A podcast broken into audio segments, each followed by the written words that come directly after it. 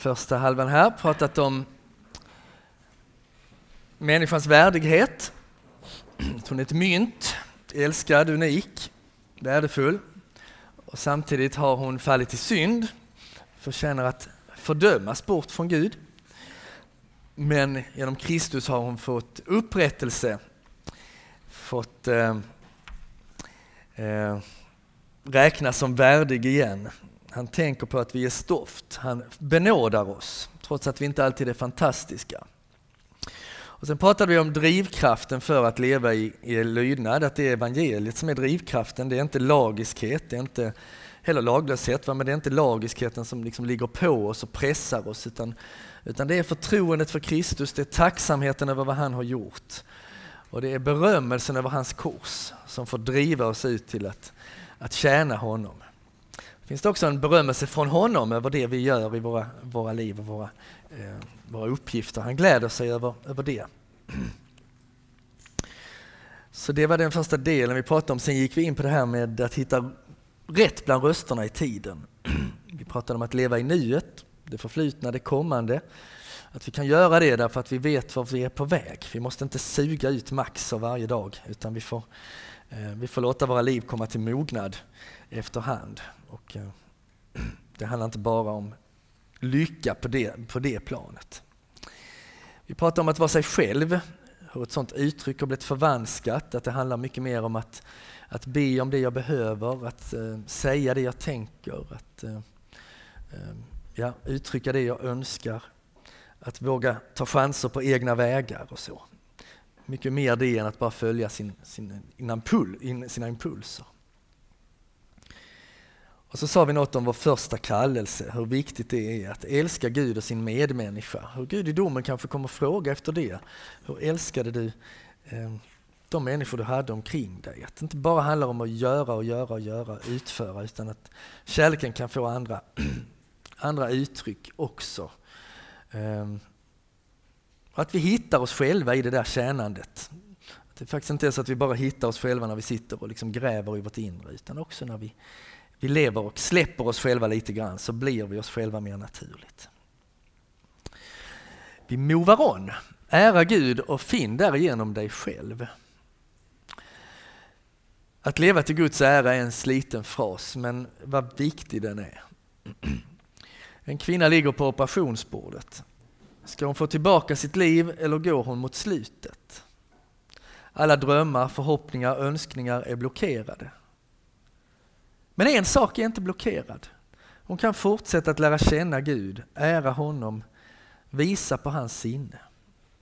Det är inte blockerat, inte ens en timme innan man ska dö. Till och med då. Det blir aldrig blockerat, vad som än händer. En man förlorar jobbet. Han försöker vara konstruktiv, inte gå ner sig, hålla kontakt med vännerna, glädja sig över Guds vackra skapelse, inte sluta leva. Men efter ett halvår börjar han mista modet. Stressen och oron griper tag i honom. Allt är satt på paus. Eller är det det? Han kan fortfarande göra det som är den stora livskallelsen. Han kan fortfarande ära Gud.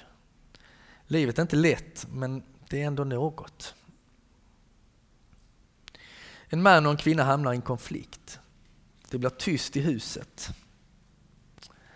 De sitter i varsitt rum och vägrar prata med varandra. Plötsligt ställer en av dem frågan, hur ärar jag Gud i den här situationen?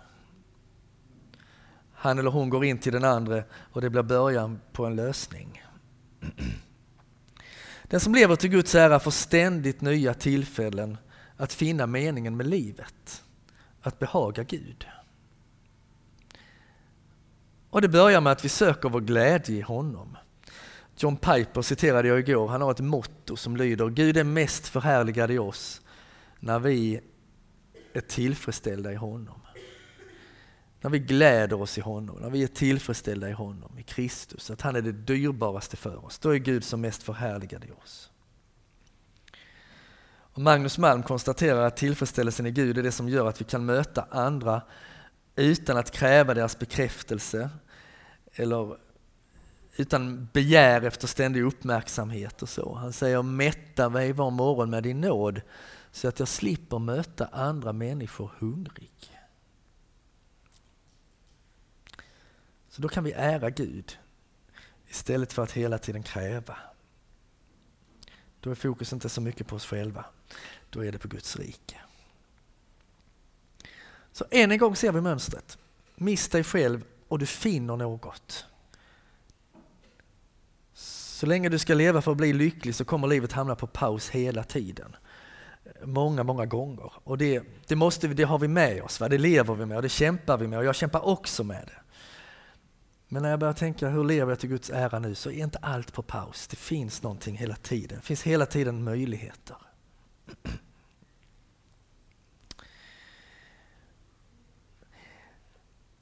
Nästa uppmaning är följ Guds hjärta. Hjärtat är bedrägligast av allt, det är oförbätterligt, vem kan förstå det? Läser vi Jeremia 17 och 9. Karl Skarin citerade det, han som var präst igår. Han är väl präst idag också, men inte här. Han citerade en artikel nyligen med rubriken Följ inte ditt hjärta. Följ inte ditt hjärta var rubriken.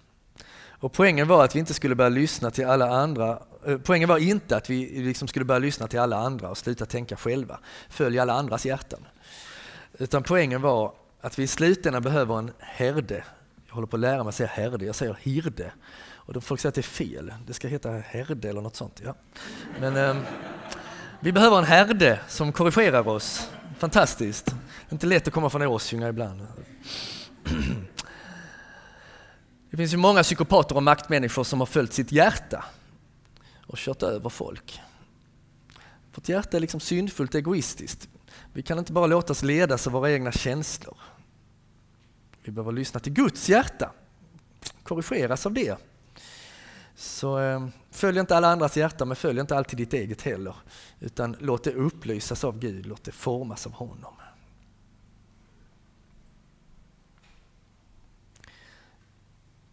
Gör din plikt.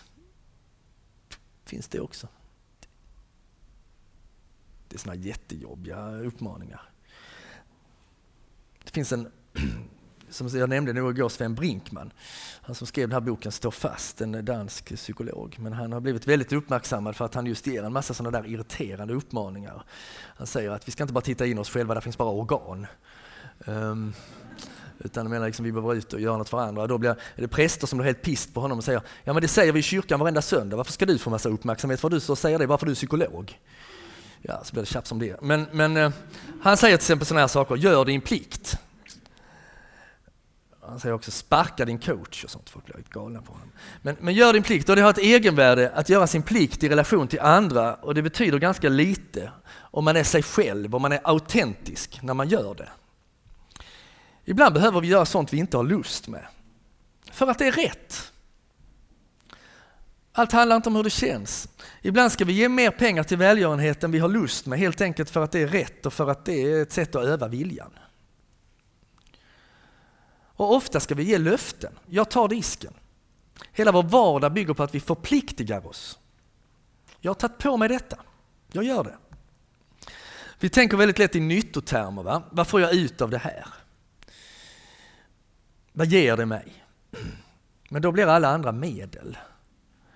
Jag är gift så länge jag får ut något känslomässigt av det och så länge jag kommer till min rätt som människa. Jag lämnar vänner och släktingar om det inte ger mig något att vara samman med dem. Jag förlåter för annars finns det risk att jag blir bitter och får hjärtklappning. Alltså vi tänker hela tiden medel så här. Det är lika bra att förlåta för annars blir jag bitter. Det kan få ett etiskt värde i sig själv. Alltså, poängen är här att vi behöver tänka mer, mer, mer mål. Jag är förpliktigad i mina relationer oavsett vad jag får ut av dem. Vänfasthet, pålitlighet, ansvar är dygder och människor är inte projekt. Jag förlåter därför att det har ett etiskt värde. Alltså, det är ju så här med våra vänskaper, och det är helt okej okay att det får vara så, att när vi lär känna en ny människa så tänker vi ganska mycket så. Vad får jag ut av det här? Och passar vi ihop? Och ger det mig något? Och ska jag satsa på den här relationen? För det är ändå liksom, vi ska inte vara vän med alla, va? det går inte. Det hinner vi inte. Eh, men samtidigt vet vi att när vi då till slut har blivit goda vänner med någon, då kan vi säga sådana här uttryck som Tack för den du är. Eller tack för att du finns till. Eller vi kan säga, kan du inte bara komma och sitta här hos oss en liten stund? Då är ju inte personen ett medel längre. Oh, vad får jag ut av att vara med dig idag? Utan jag vill bara vara med dig. Det är inte nyttan, utan det är målet. Så att ibland behöver vi helt enkelt förpliktiga oss och lära känna en människa som vi kanske till början inte tänker det här är superhippt. Men så småningom så växer vi tillsammans. Och jag tror att vi kommer få mycket, mycket, mycket mer ro i våra liv om vi förpliktigar oss. Följer du med på öppet hus på skolan på torsdag? Absolut, absolut, gärna. Och så ringer en kompis. Du, ska du med på bio på torsdag? Säg nej. Du har redan lovat öppet hus på skolan. Det som kan förändra det är sjukdom eller något viktigt, inte ett större nöje. Du får aldrig ro i ditt liv och dina vänner kommer aldrig att kunna lita på dig om du ständigt ställer in efter att du tackat ja. Nej, jag har lovat att jag ska på öppet hus. Nu går jag på det. Och vad som än kommer upp så, tyvärr, jag är bokad. Alltså man kommer missa saker, det kommer du göra i vilket fall. Um, jag tror det här är viktigt faktiskt. Jag tror vi kommer att bli lyckligare om vi börjar, börjar agera så. Än om vi hela tiden går och väntar på något nytt och roligare. Och vi kommer att bli människor som folk kan lita på och verkligen uppskatta. Så jag bråkar lite med röster i tiden, jag tror ni märker det. Men eh, det behöver vi göra ibland. Och fundera på om vi, för ibland så bara blir vi helt programmerade av vår egen samtid. Va? Det är liksom som en, vi talar om tidsandan. Goethe säger att den som gifter sig med tidsandan blir snart änka. För snart kommer det något nytt och så ska man tänka på något annat sätt. Det är mycket bättre att vi vet från början. Vilka är vi och hur ska vi tänka kring livet och vilka är våra, vad har vi för vägledning i livet? Vad är det, vi, mm, vad är det som är viktigt för oss? Nästa punkt, att se det du har, inte bara det du saknar. Ibland behöver vi människor skulle behöva, ibland behöver vi människor tänka på vad som skulle hända om vi förlorade det vi har. Då får vi hjälp att se det vi har. Och när vi gör det kan vi bli förnöjsamma. När vi bara ser det vi inte har, som reklamen vi får oss att göra, eller det som andra har, då känner vi oss vanlottade, dåligt lottade i livet. Det finns en psalm som går så jag kan inte räkna dem alla, de prov på Guds eh, nåd som jag sett, eller de går på Guds godhet jag rönt eller så. Eh, och plötsligt när vi börjar tänka på det, vad mycket jag har fått i livet, så kan man bli väldigt tacksam. Paulus skriver, med, gudsfrukt, med gudsfruktan förenad med förnöjsamhet är verkligen en stor vinst. Vi har ju inte fört något med oss in i världen och inte heller kan vi ta något härifrån. Har vi mat och kläder ska vi vara nöjda med det. Mm. Tänk att kunna hamna där, va? att man ser detta. Detta har jag fått, jag är glad för det, jag är tacksam för det. Jag går inte bara och tänker på det jag saknar. Det betyder, att vi inte får, det betyder inte att vi inte får klaga eller att vi alltid måste tänka positivt. Det kan bli farligt det där, man lär sig alltid av sina, någonting av sina motgångar. Nej, man får lov att bara vara arg och ledsen över motgångar. Och vi behöver få ur oss frustration om vi ska kunna se det vi har fått. Så det är helt okej okay att klaga. Men vi kanske behöver komma fram till det vi, att, liksom en ny blick för det vi har fått. Judarna är experter på det där, de klagar ju sex dagar i veckan. Va? Och sen sjunde dagen är de superglada på sabbaten, då får ingen klaga. Glöm att klaga en sabbat. Det får man inte göra. Ingen vid klagomuren på sabbat. Då får man bara dansa runt och vara glad över att Herren, Herrens nåd varar i evighet. Um. Men så är det med allting. Det är ett sorgarbete att leva och den som inte ser det blir aldrig glad, säger Kristina Lugn. För alltså, om vi har en anhörig som dör så måste vi sörja för att kunna ta emot det liv vi fortfarande har och kan leva. Den som förlorar sina ben i en trafikolycka måste sörja det för att kunna glädja sig över att den har kvar sina armar och fortfarande kan, kan använda dem. Annars blir man bitter. Va?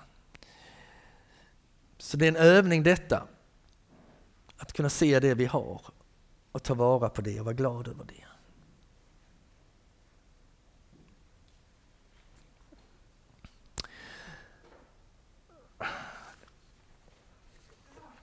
Ja, vem är du? Du är där. Hej. Mm.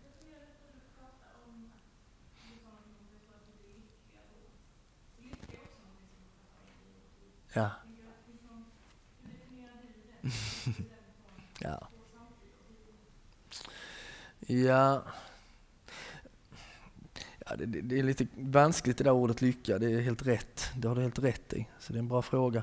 Uh, ja, i det här sammanhanget, alltså igår talade jag lite om dygd och då talade jag om att där tänker man mer så här, vad är målet med vår mänskliga existens? Man tänker inte så mycket vad, vad skulle kännas bäst just nu, utan man tänker mer långsiktigt. Hur blir jag en god människa som man kan lita på, som sätter rätt gränser, som mår hyfsat väl, liksom, så att jag inte hela tiden kastas runt i tillvaron. Eh, och det var väl lite den meningen som jag tänkte lycka. Att vi blir helt enkelt trofasta, vänfasta, pålitliga människor som kan behålla våra vänner och som inte rycks ut till höger och vänster hela tiden utan vi vet vart vi är på väg och vad som är viktigt för oss. Och, och, den där kvällen på öppet hus, ja men då gläder vi oss över den och vi går inte bara och tänker på bio om vi missar. Utan vi är, vi är här i detta, vi har gjort detta valet. Alltså att göra ett val, och, det, och man tänker inte så mycket på alla alternativ, för jag har gjort ett val. Och nu är jag där. Så, mm. så det var den meningen jag tänkte på lycka. Tack för frågan. Gud. Vi har pratat om att leva i nuet, det förflutna och det kommande. Vi har pratat om att vara sig själv och att utföra sin kallelse, att älska Gud och människan. Att göra sin plikt, att se det man har. Och nu ska vi prata om att sluta upp med att vara allt eller inget. En av de vanligaste lögnerna i våra liv, det är det här allt eller inget-tänkandet. Vi har väldigt lätt att grunda vår betydelse eller obetydelse på en viss gåva eller en viss brist eller det senaste vi gjorde. Eftersom jag gjorde så mot henne är jag en ond människa. Eftersom jag är en fantastisk fotbollsspelare är jag en fantastisk människa. Paulus verkar också kunna känna så. Han kan tala om som den värsta av syndare. Det var så han kände sig. Men kanske ska vi vara lite försiktiga med sånt där allt eller inget tänkande. Sanningen om en person kanske snarare lyder så här. Hon är en duktig fysioterapeut. Hennes matlagning är inte fantastisk. Hon är en mycket tillgiven dotter, men som mamma har hon många brister. I bibelgruppen kommer hon med många bra inspel och sätter fart på samtalet, men hennes böneliv är ganska odisciplinerat. Hon har en trygg och god självkänsla men kämpar med negativa röster från sin pappa som sänker henne och som hon försöker ersätta med evangeliets sanningar. Ja, så kan det se ut. Va? Låt oss vara försiktiga med att ge oss själva eller andra en etikett. Jag är fantastisk eller jag är hopplös. Och låt oss förhålla oss lite fritt till andras bedömningar. Om någon säger till dig att de älskar att lyssna till när du spelar piano så har du skäl att bli glad. Det vore falskt av dig att inte bli glad. Men gör det inte till identitet och glöm inte alla andra goda och dåliga sidor du har. Det var det han var inne på igår, Johannes också. Att Eh, de här, vad var det? De hoppade simhoppen. Alltså. Ja, just det. Alltså. De liksom hade lite distans till det där på något vis. Du är ett älskat barn till Gud som får använda det du fått. Väl medveten om att du har mycket kvar att lära. Så här skriver Paulus. I kraft av den nåd jag har fått säger jag till var och en av er, ha inte för höga tankar om er själva än ni bör, utan tänk förståndigt efter det mått av tro som Gud har tilldelat var och en. För liksom vi i en enda kropp har många lemmar och alla lemmarna inte har samma uppgift, så är vi många eh, så är vi många en enda kropp i Kristus. Men var för sig är vi varandras lemmar. Vi har olika gåvor efter den nåd vi har fått. Så det är inte allt eller inget. Det är inte en som har fått allt, det är inte en som inte har fått något. Det är något och tillsammans. Det är liksom Nya Testamentet. Du är något och tillsammans är du ännu mer. Så om vi ser realistiskt på våra svagheter och våra styrkor så kan vi också använda våra styrkor och veta att de har betydelse. Och vi kan börja utveckla vissa av våra svaga sidor. Och när vi syndar så gör vi det som Guds älskade barn. Vi upplever att vi är ovärdiga. Vi tänker kanske att Gud måste ha lämnat oss nu. Äcklad måste han ha lämnat oss nu när vi har gjort det här. Åtminstone för en tid. Jag kan bekänna min synd imorgon, känns lite bättre imorgon. Men det är ju de stunderna som vi bara måste få komma. För som Petrus efter förnekelsen, han kastar sig i vattnet och vadar in till Jesus. Han säger, jag bara måste få komma till honom nu, när jag har gjort bort mig. Ja, när vi fallit får vi i vår skam resa oss och säga, jag är ett älskat, tryggt och betydelsefullt Guds barn som har syndat. Det är där jag har fallit. Som ett älskat, tryggt och betydelsefullt Guds barn. Ja, jag har också syndat. Det har jag gjort.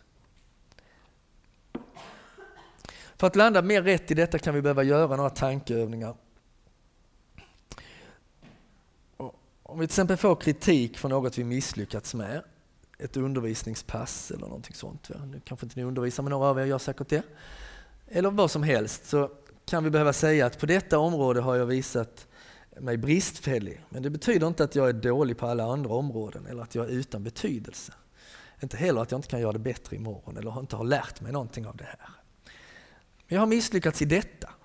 Men jag är inte misslyckad för det. Men på det här området har jag idag misslyckats, eller den här veckan eller så. Jag har fått mycket hjälp att tänka så här när jag får kritik för något. Ehm, att Jesus vet om den här kritiken var obefogad och då frikänner han. Och om kritik och anklagelser är befogade, ja, då får jag medge mitt misslyckande och ta ansvar för det. Men sen får jag säga, Jesus har tagit straffet för det också. Det är Guds dom som räknas och han säger att jag är fri. Jesus säger aldrig, du ska veta att jag är besviken på dig. En del av oss har fått med den rösten rätt mycket från vår barndom. Va? Föräldrar som har sagt det, nu blir jag besviken på dig. Då får vi ta alla deras känslor. Det är ett sätt att lämna över alla sina känslor till, till barnet. Det är inte så bra tror jag alltid att säga så. Men Jesus säger inte så för han är en tillflykt. Han säger aldrig det där var väl för dumt det där.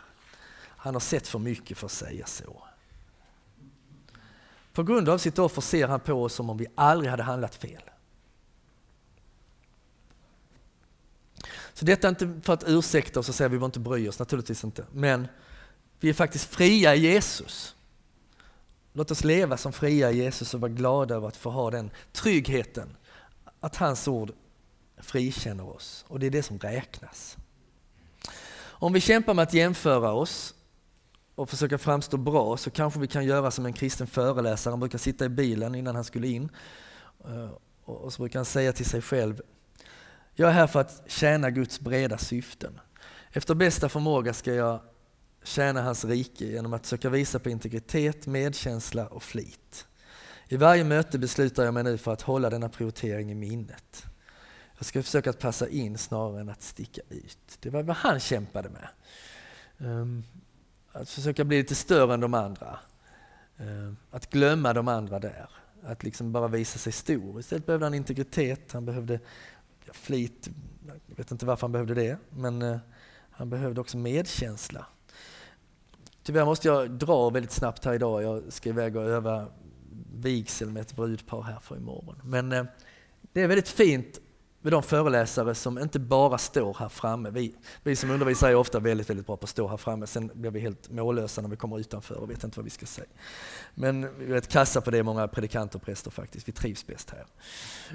Monologen, vi älskar monologen. Men, men det är underbart med de som faktiskt går ut och sätter sig och intresserar sig för de som, som, som är där ute och hur de har det. Och som är lite så John Brenneman. Liksom.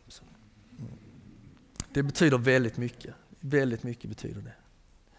Eh, och det var kanske en bön han hade. Va? Låt mig få se att jag, jag är här för breda syften. Det är inte, jag är inte för min egen skull. Jag är här för dina breda syften. Så här sa en, en som hade börjat tävla och jämföra sig med allt möjligt. Gud har ett arbete för mig att utföra här, ett av de goda verk som jag skapats för. Han vill inte att någon annan ska göra det, han vill att jag ska göra det. Jag ska när jag leder detta möte uppmuntra andra att flika in med deras bidrag också eftersom allt i Guds rike fungerar bättre när vi arbetar tillsammans för hans ära.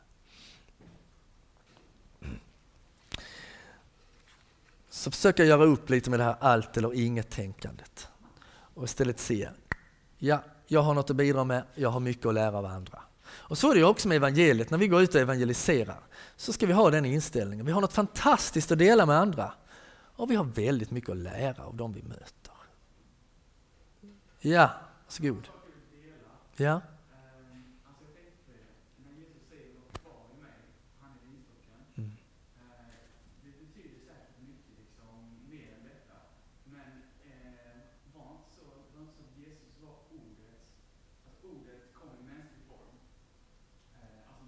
Mm.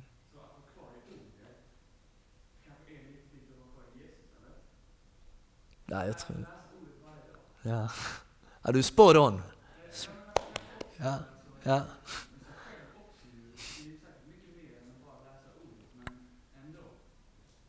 Säkert mer ja, men det är nog en viktig sak alltså. Bli kvar i mig, bli kvar i det jag har talat. Alltså, det är ju inte sådär, jag älskar dig men jag skiter i vad du säger. Utan eftersom jag älskar dig lyssnar jag till vad du säger. Mm. Tack för det. Fint. Mm. ja. ja, men jag har lite till. Ska vi köra lite till? Schysst, då gör vi det. Do first things first och satsa sen på din kallelse. Vid ett tillfälle lyssnade jag på Sven Reichman som är en författare. Han sa så här vi är inte här i första hand för att hinna så mycket som möjligt, utan för att upptäcka något. Och Det tyckte jag var väldigt befriande. Kan liksom ha så, har så mycket krav på sig att man ska klara så mycket, lära sig så mycket, veta så mycket. Ja, men jag är här för att upptäcka något. Du får göra det lite långsamt, lite successivt. Gud vill visa mig något, det är därför jag finns här. Ja, bra. Jesus dundrar in hos Marta tillsammans med tolv hungriga lärjungar hon börjar stressa runt, blir bekymrad över maten och allt som ska ordnas. Men Jesus fick, henne, fick lära henne att vi är human beings innan vi är human doings. Och som human beings behöver vi få vara mottagare av evangeliet, ordet. Liksom, Marie, Martas synd är ju det att hon gör sig oro och bekymrar sig för så mycket. Bekymret vad som tar henne. Jesus säger i ett sammanhang, och detta är det eviga livet, att de känner dig, den enda sanne guden och den du har sänt, Jesus Kristus. Att vi blir kända i hela världen är inte värt någonting om vi inte är kända av Gud. Det är det eviga livet, att vi känner honom, att vi som Maria sitter vid hans fötter och lyssnar. Do first things first.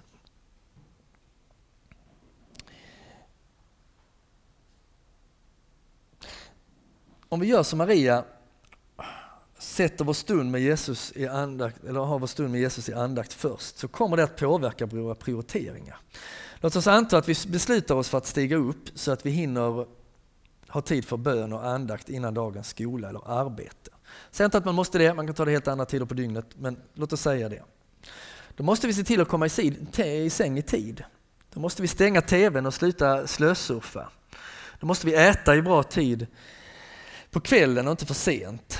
Då måste vi ibland lämna lägenheten i viss oordning. Och då har vi ändå inte nämnt alla de andliga fördelar det ger. Samtal med Jesus, att få höra hans röst, trygghet i honom, något att dela med andra, att få evighetsperspektiv på dagen. Alltså en enda förändring i vår prioritering kan dra med sig en massa annat och plötsligt hittar vi en rytm där vi eh, fungerar mycket bättre och får, får det, det vi behöver. Så vi ska vara aktiva, men aldrig så aktiva att vi missar det viktigaste, att sitta vid Jesu fötter och höra honom tala. Men känns det ändå, om nu detta är på plats, kallelsen? John Brenneman säger, som är en själavårdare, han säger Gud har skapat en passion i oss, en kallelse, längtan och vision som vi bär på. Ingen passion är bättre än någon annan och en passion kan vara okej okay, även om ingen annan bär på samma dröm. Han menar att vår tjänst eller uppgift blir en tung plikt om den inte är kopplad till vår passion, till vår personliga stil och till våra gåvor.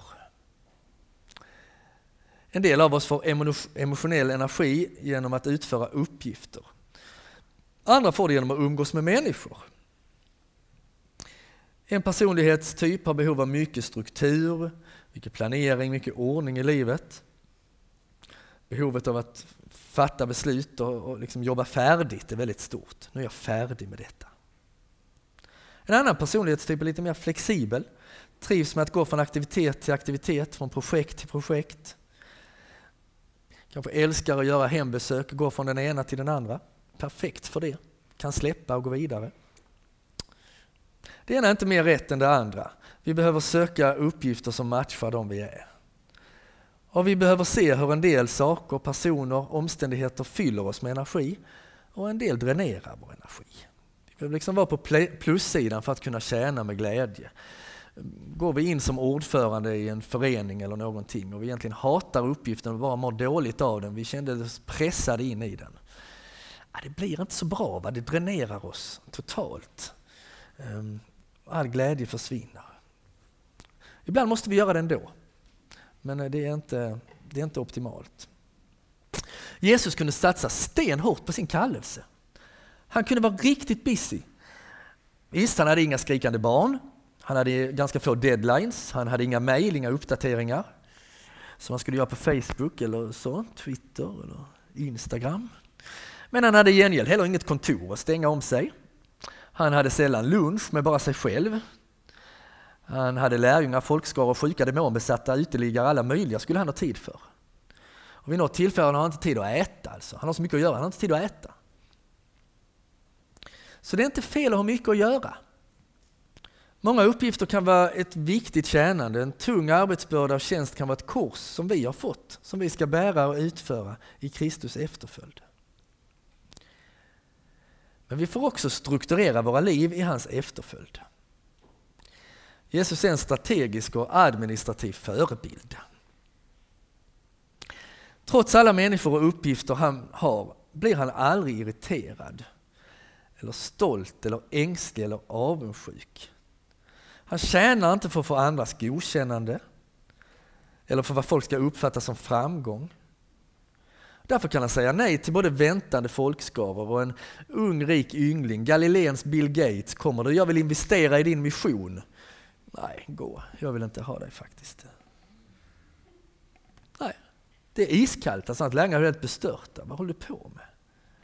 För Jesus vet sina prioriteringar, han håller sig till dem. Han vet detta är vad jag ska göra. Andras behov, andras bekräftelse får inte gå före det som är viktigast. Så det är anden som leder honom. Genom bön och lydnad så tar han emot eh, Guds ledning. Och han behöver vila, han behöver sova, han behöver äta. Han bejakar att han är människa med begränsningar. Men han liksom kastas inte runt utan han vet, detta är min uppgift. Och vi behöver våra prioriteringar för vi är begränsade. Det gäller också vårt engagemang i församlingen. Det kan ju vara väldigt lätt att lyfta fram en sak i Bibeln och säga detta är det viktigaste. Det är inte så svårt att göra det. Lyfta fram missionen och säga vi måste missionera mer. Eller lyfta fram bibelställen om bön och säga här ser ni, vi måste be mer. Eller om ordet, va? vi måste läsa Bibeln mycket mer. Alltså. Ha bibelstudier, träffas varje dag. Det är inte så svårt att lyfta fram en sak. De fattiga, de hemlösa, de invandrarna. Ni ser ju Bibeln är tydlig. Engagera er. Men vi vet ju också att ingen kan vara med i allt. Och ingen kan, alla kan inte få till samma disciplin. Alla kan be i stunden. När någon berättar om ett projekt som behöver förbön eller någon missionär som behöver förbön. Så kan vi be i stunden och lita på att Gud svarar. Men alla kan inte ha långa bönelistor. Det fungerar inte för alla att ha det. Som man betar av varje vecka. Alla är kallade till helighet, alla är kallade att kunna redogöra för det hopp man har i Kristus. Men alla ska inte göra gatuevangelisation. Det kan se väldigt olika ut i våra kallelser och våra kors att bära kan se olika ut.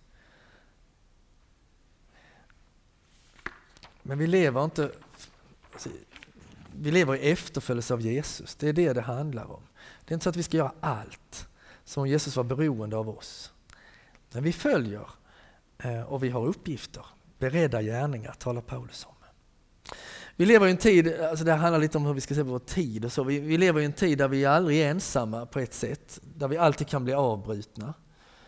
Vi tar lunch och försöker koppla av och plötsligt så kommer det ett sms, ett tweet, ett meddelande. Och sätter vi telefonen på flygläge som jag gör på nätterna, ibland på dagarna, för att få, eh, för, för, för, liksom, om jag ska göra något samlat till exempel, Ja, så kan någon ha hört av sig och är frustrerad över att de inte får tag i en.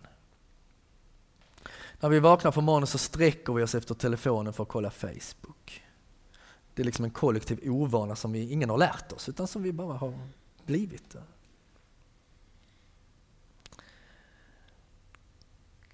Det är lite speciellt att leva i den här tiden. Så här har vi aldrig riktigt haft det förr. Man har kunnat bli avbruten förr också, men, men det är rätt så svårt. Det är en rätt stor utmaning Eh, att få göra någonting samlat när man hela tiden kan bli avbruten. Vissa människor vilar för att kunna arbeta och andra de arbetar för att kunna vila. Vi ser fram emot helgen. I Bibeln är både vila och arbete något gott. Vi behöver en rytm. Vila till kropp och själ är nödvändigt. Varför har vi semester? Jo, för att få vila till kropp och själ. Intensiv avkoppling och intensivt arbete. Positivt. Däremot är stress inte något positivt. Det är aldrig något positivt. Jo, det kan det vara i viss mån. Vi måste vara stressade ibland. Det hör till livet. Man kan inte leva utan stress. Va? Men det är ett hot när det blir för mycket stress. Det är ett andligt hot. Att vi inte kan älska Gud med hela vårt hjärta för vi är så splittrade att livets bekymmer, som Jesus talar i om liknelsen om såddet, tar över. Jag är så rädd för detta i mitt eget liv. Det här bibelordet bara slår mig ibland. Livets bekymmer kvävde sådden. Oj, oj, oj. Jag kan vara rädd för att det ska bli så, att det ska vara så. Man stannar ju upp och säger, åh vad jag har varit bekymrad nu sista, sista dagarna. Glädjen har varit borta från mig. För stress dödar glädje och Gud vill ju att vi ska vara glada. Och dessutom skapar stress likgiltighet. För människor som far illa, vi orkar liksom inte mer, vi kan inte mer. Vi har slutat leva med marginaler i vår tid. Det är liksom lite straffet för det tror jag också mycket av den här stressen. Att vi har inte marginaler längre. Vi har, tänker att vi behöver inte det.